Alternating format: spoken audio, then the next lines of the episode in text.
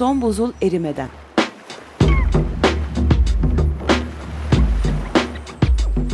Küresel iklim değişikliğinin bilimsel gerçekleri üzerine.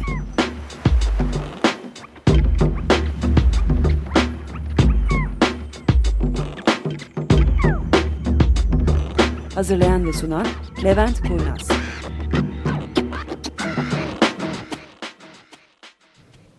Merhabalar dostlar, programımıza hoş geldiniz. Bugün üç kişiyiz. Tufan. Merhaba. Belkıs. Merhaba. Ben Levent Kurnaz. Ee, ne konuşacağımıza ancak ayaküstü şimdi karar veriyor oluyoruz. Kusura bakmayın bugün birazcık hızlı oldu programımız. Ve son günlerin biliyorsunuz çok meşhur konusu kuraklık var. En başta kuraklık konusuyla birazcık gireceğiz. Ve programla ilgili herhangi bir şey sormak isterseniz, öğrenmek isterseniz, şimdi ya da sonra herhangi bir şey yazmak isterseniz Twitter'dan Son Buzul adresinden ya da benim kendi adresimden e, Levent Kurnaz bana ulaşabilirsiniz Twitter üstünden şu anda da dahil olmak üzere. Facebook'tan da Son Buzul Erimeden sayfamız var. Orada da sorularınızı yazabilirsiniz, takip edebilirsiniz konuş e, konuşmak isteyeceğimiz şeyleri. Ve gerçekten de ciddi ciddi bekleriz sorularınızı ne sormak istiyorsanız, ne konuşmak istiyorsanız, öğrenmek istiyorsanız. Elimizden geldiğince buna cevap vermeye çalışacağız. Ve ben tabii önümdeki ekranı bozdum şu anda. Neyse. Ee, öncelikle barajlarımız bugün %33.05 yani yaklaşık olarak üçte bir dolu İstanbul Artık barajları. Artık ondalıktan sonrası bile değerli oldu. Ee, öyle olmaya başladık yavaş yavaş. Ona bakma. O, o, o dünkü aldığım notlar dün yazı yazarken. Yüzde otuz üç yani üçte bir dolu İstanbul'daki barajlar. Şimdi tabii bugün güzel bir gün. Bugün daha yağmur yağmadı. İnşallah dua ediyoruz yarın yağmur yağacak İstanbul'a. Ve ondan sonra perşembe yağacak, cuma yağacak, cumartesi yağacak ve pazar kar yağacak. Evet. Çünkü bugün kaç derece? 18 derece. 10 derece düşüyor, 8 derece. 10 derece düşüyor ve kar yağışı bekleniyor. Ben 8 derecede nasıl kar yağacağını merak ediyorum İstanbul'a. Ama mutlaka bilenler vardır bunu açıklayacak olan 8 derecede nasıl kar yağacağını. Yalnız e, bir kez daha hesaplarımıza bakacak olursak barajlarda yaklaşık olarak 280 küsür milyon metreküp su kaldı İstanbul'da. Ve günde yine yaklaşık 2,5 milyon metreküp su harcıyor İstanbul. Bununla 115 gün bizi götürecek suyumuz var. O da 15 Mayıs'a kadar götürüyor İstanbul'u. Ee, tabii bunun suçlusu diye bir kavram yok. Normalde İstanbul'a metrekareye senede 520 e, 732 kilo su düşmesi gerekiyor. Beklenen son 50 yıl ortalaması. Ve 2013'te bundan yaklaşık %30 az 528 metrekare e, kilogram düşmüş metrekareye. Bundan tabii bunun götürüsü bizim açımızdan barajlarda su yok. İki taraftan hem ısrancalardan hem Melen'den su geliyor İstanbul'a. Israncalardan ve Melen'den gelen su senede 263 milyon metreküp. Bu da günde 0.7 milyon metreküpe denk geliyor. Bunu da hesaba katacak olsak yani barajlar artı Melen'den artı Strancalardan gelen su hepsini koyduğumuzda 162 günlük suyumuz kaldı İstanbul'da. O da net olarak 1 Temmuz'a gidiyor. Yani dolayısıyla her ne yaparsak yapalım öncelikle yağmur doğasına çıkmamız gerekiyor cümbür cemaat. Onu yapıyorlar artık. Ee, ya, ve şey bir rahip kazara gazetede geçerken yağmur duasına çıktı falan diye bir şey okudum bugün. E, dolayısıyla yani her kim olursak olalım, neye inanıyor olursak olalım e, yani yağmur hepimize gerekli olacak kısa vadede. Çünkü bu yazı geçirebilecek kadar suyumuz kalmadı. Tek şansımız bu mu? E, şimdi ikinci alternatifimiz tek şansımızın yanında suyu dikkatli kullanmak zorundayız. Yani hiç yağmur yağmayacak olsa biz hepimiz yaklaşık yüzde otuz tasarruf ediyor olsak su kullanımımızda. O ne kadar götürüyor peki? O yaz sonunu buldurur bize. Onda herhangi bir sorunumuz yok. Yani büyük ihtimalle Ağustos sonuna kadar gideriz. Arada da işte birazcık birkaç gün yağacak olsa bu seneyi kurtardık demektir. Ama bu hepimizin yüzde otuz tasarruf etmesini gerektiriyor. Ve bu yüzde otuz tasarruf da az buz bir şey değil esasında. Hepimizin çok dikkatli olması gerekiyor bu konuda.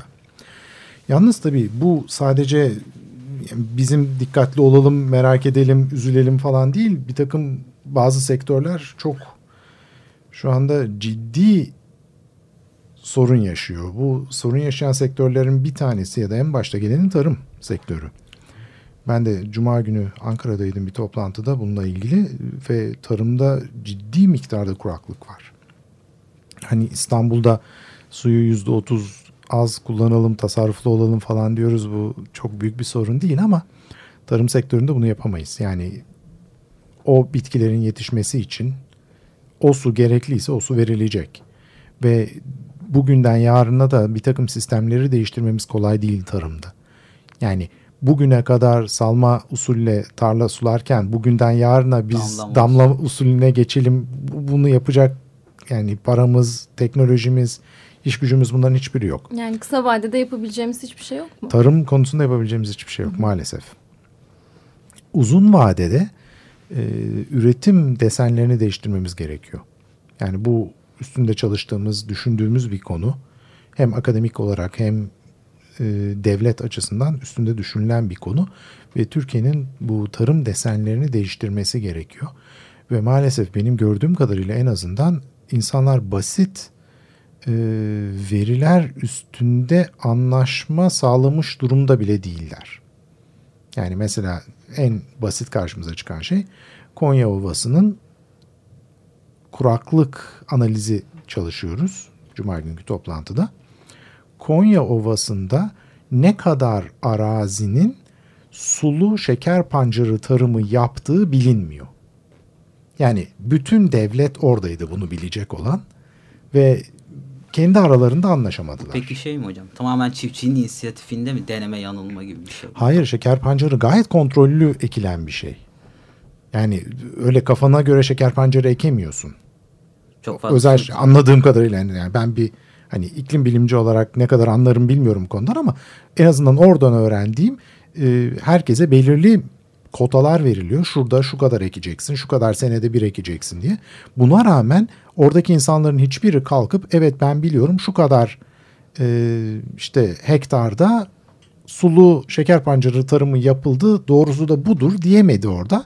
Herkes bir takım sayılar söylüyor. Yani bu çok basit bir şey. Yani şeker pancarı ne kadar şeker pancarı ekildi sorusun, sorusunun cevabını bilemiyoruz şu anda. Eminim bunu dinleyenler içerisinde olur mu öyle şey ben biliyorum diyen olacaktır ama onun karşısına da başka biri çıkıp yok öyle değil böyle. Yani çok garip bir durumdayız ülkemizde bu konuda. Bir kere dediğimiz gibi tarım bu konuda en kötü etkilenen sektör. Yalnız ikinci bir sektör var. Bu çok fazla duymadığımız ve bir noktada duymaya başlayacağımız. O da hani Türkiye onu da gelirken araştırdım ve çok ilginç şeylerle karşılaştım. Özellikle kahkah kehkeh yaptık. Size de sizle de paylaşırım bu gülümsediğimiz şeyleri. Ee, Türkiye İklim Değişikliği 5. bildirimi Çevre ve Şehircilik Bakanlığı'nın yani bu bizim resmi olarak dünyaya iklim değişikliği konusunda nerede bulunduğumuzu açıklayan rapor. Beşinci bildirim biliyorsunuz bunu da konuştuk daha önce. Şimdiye kadar iki tane bildirimimiz var. Bunlara birinci bildirim ve beşinci bildirim diyoruz. İkinci, üçüncü ve dört gülme. İkinci, üçüncü ve dördüncü bildirimler yok. Onlar Yalnız sonra abi. beşinci bildirimin kapağında küçük bir iki, biraz daha irice üç, biraz daha büyükçe dört ve kocaman bir beş var. Toplu bildirim Toplu olmuş. bildirim Hmm. oluyor evet. Ee, bu beşinci bildirimden bir takım şeyler bakmaya çalıştım ben. Ee, o baktığımız yani ana bakmaya çalıştığım şey çok palavra atmayayım diye. Türkiye'de enerjiyi nereden üretiyoruz? Çünkü pek çoğumuz yani en azından bilmiyorum gençler siz bilirsiniz. Ben, ben mesela e, lisede lise mezunu olduğum sıra biri soracak olsa Türkiye'de enerjiyi nereden üretiyoruz diye hidroelektrik santrallerden diyecektik. Türkiye enerjisini barajlardan üretir. Yalnız şu anda pek barajlar falan ortada kalmıyor. Hatta ben bunu anlamadım. Türkiye'de 2010 yılı birincil enerji üretiminin enerji kaynaklarına göre dağılımı yüzde 48 linyit. Çok verimli olduğu için. Ama doğalgaz yüzde iki. Yani ya burada bir gariplik var ya burada bir gariplik var. Bilemiyorum hangi tarafta olduğunu Diğer ama grafiklere baktığımızda orada bir Evet sağlam, sağlam bir gra- yani grafiklerde neler nerelere uçmuş. Ondan sonra ha tamam. Üretim, elektrik üretiminde de yüzde 47 doğalgazdan elektrik üretiyormuşuz. Şimdi bunu siz anlıyorsanız bana anlatın.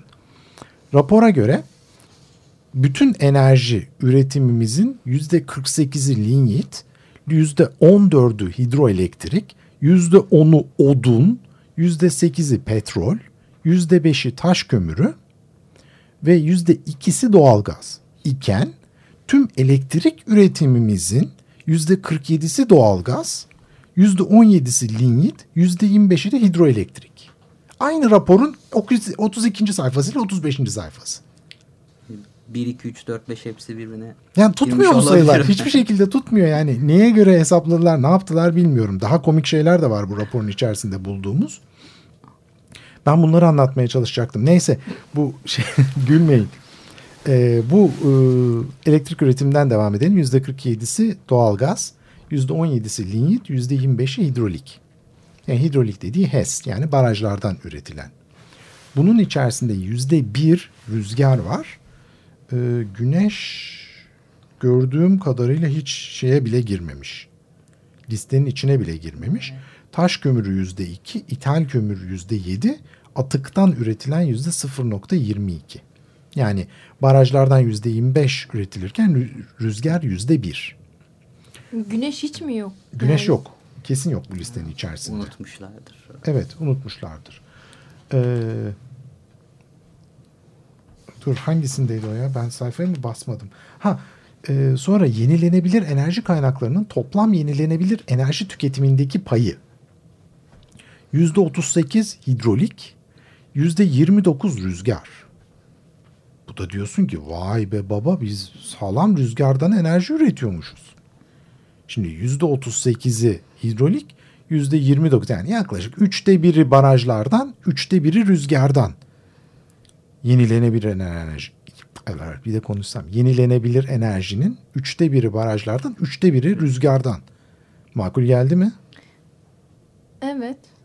Ama bir öncekinde yüzde birdi zaten rüzgar. Bir, bir öncekinde yüzde Yüzde 25 hidrolik, yüzde bir rüzgarken şimdi yüzde 38 hidrolik, yüzde 29 rüzgar.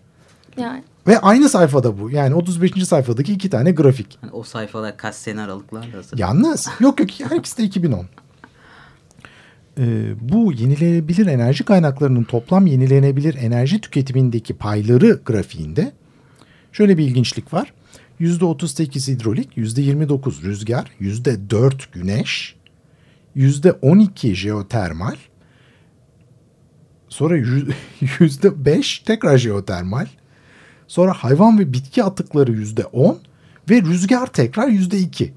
Dolayısıyla biz rüzgara o kadar önem veriyoruz ki bir yüzde 29 rüzgar bir de yüzde 2 rüzgar var. Yenilebilir olduğu için tekrar tekrar. Evet tekrar tekrar yenilenebiliyor herhalde bu rüzgar. Hayır öyle değil tabii öbür tarafta bir de odun var enerji kaynağımız olan. Bu yüzde 29 rüzgar değil odun. Rüzgar yüzde 29 rüzgar yüzde 2. Jeotermal yüzde 12 jeotermal yüzde 5. Aynı grafik yani bu bizim dünyaya verdiğimiz devlet olarak en önemli belgemiz iklim değişikliği konusunda. Diyoruz ki bakın kardeşim biz dünyada bunu yapıyoruz. Neyse bir nefes alalım. Bir müzik arasına gidelim. Ondan sonra tekrar devam ederiz bu konuya.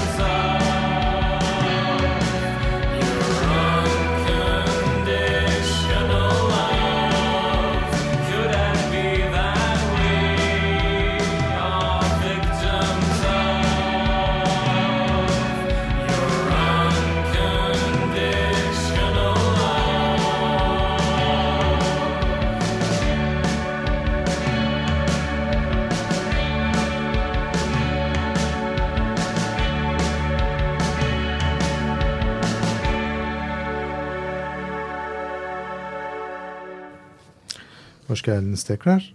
Arada bir düzeltme geldi. Onun üstünden geçelim. Ee, toplam enerji üretiminin tamamının elektriğe harcandığını düşünmüyoruz. Yanlış anlaşılmasın. Yani elektriği kendi içerisinde ve toplam enerjiyi kendi içerisinde karşılaştırıyoruz birbiriyle. Toplam enerji üretiminin %48'i linyit falan yani bu yakılan linyit artı elektrik üretimi onları biliyorum. Yani o konuda herhangi bir sorunumuz yok. Burada sadece aynı grafiğin üstünde e, %38 hidrolikten ener, yenilenebilir enerji kazanıyoruz. %29 rüzgardan o yani bu rakamlarda çok ciddi sorunlar var. Herkes serbestçe Çevre ve Şehircilik Bakanlığı'nın web sitesinden Türkiye İklim Değişikliği 5. bildirimini indirip sayfa 35'e baktığı zaman bunu gayet güzel içindeki arızayı görebilir. Neler yapılmamış olduğunda. Yalnız burada bizim bizi ilgilendiren e, bir problem daha var. Bu probleme de yakın bir zamanda bu programda çok daha fazla eğilmeye başlayacağız. O da UNDP Evet. ile bir ortak çalışmamız oluyor. Bu sanıyorum gelecek programdan itibaren başlayacağız buna. Temeli şu problemin. Biz enerjimizi neredeyse ne yaparsak yapalım şu anda Türkiye'de maalesef yenilenebilir kaynaklardan kazanmıyoruz. Çünkü her ne kadar HES'leri burada hidroelektrik santralleri yenilenebilir enerji kaynağı olarak görüyor olsa da sistem yenilenebilir enerji kaynakları içerisinde HES'ler yok. Yenilenebilir dediğimiz şey rüzgar ve güneştir temelde. Yalnız işte ilginç bir şekilde bizim devletimiz yenilenebilirin içerisine HES'leri de katıyor. HES'lerin içerisinde dev yapılar yapıyoruz. Bunun ekosisteme verdiği zararları, artı o dev yapıları yapmak için manyak miktarda çimento harcanıyor. Bu çimentonun Üretim. atmosfere saldığı yani üretiminin saldığı karbondioksiti bunların hiçbirini hesaba katmıyormuş gibi davranıyoruz. Benzer yorumları nükleer içinde yapabiliriz. Onun üretiminde kullanılan karbondioksit miktarları hesaba katılmıyor hiç. Ve tabii yenilenebilir iyi bir şey olarak görünüyor bu şekilde. Dolayısıyla biz e, kullandığımız elektriği her açtığımızda, her çamaşır yıkadığımızda, her televizyon açtığımızda, her buzdolabını kullandığımızda ne demekse o buzdolabını kullandık bunu size bırakıyorum. Çok yemek. Yani kapağını her açıp Evet. kapattığımızda enerji kaybı oluyor bunlarda. Klimaları çalıştırdığımızda. Bunların tamamında esasında biz atmosfere karbondioksit salıyoruz. Dolayısıyla ne kadar az elektrik tüketecek olursak o kadar az karbondioksit salacağız atmosfere. Yani biz belki %100 yenilenebilir enerji kaynaklarından elektrik üretiyor olsaydık Hollanda şey pardon Danimarka yüzde en son 58 miydi 60 mıydı öyle bir yere gelmiş durumda. Hedefleri Rüzgar enerjisinden. Onların da çok ilginç şeyleri var. Avrupa'nın en pahalı elektrik e, ene- elektrik enerjisini Hollanda pardon Hollanda deyip duruyorum ya. Danimarka Yani. vatandaşları elektriğe en fazla para Ama en verenlermiş. mutlu insanlar da onlar galiba. Bilmem herhalde. Öyle bir şey vardı. Ee, kilowatt saatine 40 sent veriyorlarmış. Türkiye'de de 18 centmiş. Öyle bir rapor vardı sabahleyin. Dolayısıyla biz ne kadar az karbondioksit salacak, ne kadar az elektrik üreti, tüketecek olursak o kadar az karbondioksit salıyoruz atmosfere. Dolayısıyla da bizim artık evimizdeki elektrikli araçların ne kadar elektrik tükettiği ve ne kadar karbondioksit saldığı konusunda ciddi bilgilenmeye ihtiyacımız var. Benim şahsen var. Az çok gene ben hani bilenim ama dolayı ben bilmiyorum. Ben bilmiyorsam ben de mutlu bir şekilde öğrenip anlatma arzusundayım. Yalnız arkasında şöyle bir problem var. Hidroelektrik santralleri çok ciddi miktarda suya bağımlılar. Yani barajın arkasında daha doğrusu şöyle söyleyeyim. Hidroelektrik santrali dediğimiz zaman hepimizin aklına barajlar geliyor. Yalnız barajlar tek hidroelektrik santrali türü değil. Bunun iki türü var. Yani bir tanesinde büyük bir baraj yapıyorsunuz. Barajdan aşağıya düşen sudan enerji kazanıyorsunuz. O bir türbünü çeviriyor ve bundan enerji kazanıyorsunuz. Bizim kafamızda, düşünce yapımızda alışkın olduğumuz enerji üretim sistemi bu. Yalnız bu şart değil. Aynı zamanda bir nehrin kenarına bir sistem kurup akan suda bir mili döndürürsünüz. Ondan da bir enerji üretim sistemi Bu ne kurabilirsiniz kadar kullanılıyor peki? epey kullanılıyor Türkiye'de. Az buz bir şey değil bu. Ve bunun hani çok büyük bir zararı yok ekosisteme. Barajlarla yani hidroelektrik santralleriyle kıyaslandığında bunun çok fazla bir zararı yok sistem üzerinde. Yalnız orada şöyle bir problem var. Oradan enerji üretiyorsanız suyun akması gerekiyor devamlı. Yani bir barajı devamlı doldurmanıza gerek yok. Baraj bir defa dolduktan sonra azıcık bir gelen suyla devam edebilirsiniz elektrik üretmeye. Ama barajın üstünde değil normal bir nehrin kenarında üreten sistemle akmadığı müddetçe elektrik O da üretemezsiniz. ciddi sıkıntı. Ciddi sıkıntı çünkü yağışlar azalınca buralardan elde edilen elektrik miktarı son derece düştü. Tabi burada bir de şu var. Bu barajları artı bu, bütün bu enerji sistemlerini kurabilmek için bankalara gidiyorsunuz. Bankalardan kredi alıyorsunuz. Ürettiğiniz enerjiyi devlete satıyorsunuz. Ondan sonra devlet size para veriyor. Siz de götürüp bankaya borcunuzu veriyorsunuz. Satın alma garantisi var devlet yine bunda. Evet, var ama yani senin satabiliyor olman gerekiyor devlete.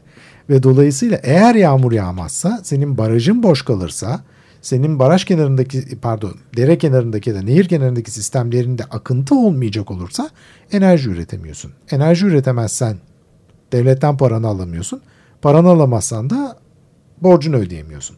Böyle bir problem var şu anda ve bu gerçekten enerji sektörü açısından çok ciddi bir boyuta ulaşmış durumda. Yalnız ha ya da mesela Devlet Su İşleri Genel Müdürlüğü diyor ki 2013 yılına 2013 yılında bir önceki yıla göre %47 azalmış Türkiye'nin ortalamasında aldığı yağış miktarı. Uzun yıllar ortalamasına göre de %36 azalmış. Yani bir önceki senenin yarısı yağış düştü Türkiye'ye geçtiğimiz sene. Yani bu kuraklık hepimiz açısından evet tarımdı bunların hepsi ciddi sorunlar ama bir de öbür tarafta barajların dolmamasından dolayı elektrik Enerji. üretimindeki sıkıntı var. Ve havalar sıcak gittiği müddetçe de barajlar dolmayacak ve bu ciddi önümüzdeki e, yaz açısından sorun olacak. 8 Ama derecede kar yağdırırsak sıkıntı. e tabi yani kar lütfen yani hepimiz neye inanıyorsanız inanın dua etmemiz gerekiyor. Yağmur, kar her neyse 8 derecede de yağıyorsa kar yağsın bizim olsun. Hani Galatasaray maçının de, 10 o- dakikası. 10 dakikası demeyelim. Yağan kar bizim kardır. Karı seviyoruz. Evet burada izninizi isteyelim. İki hafta sonra görüşmek üzere. Hoşçakal. Hoşçakalın.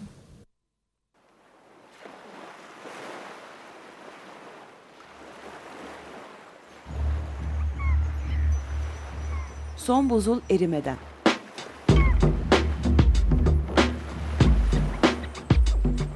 Küresel iklim değişikliğinin bilimsel gerçekleri üzerine.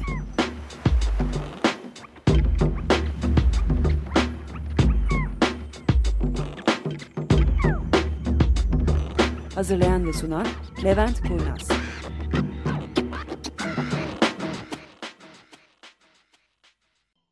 Açık Radyo program destekçisi olun. Bir veya daha fazla programa destek olmak için 212 alan koduyla 343 41 41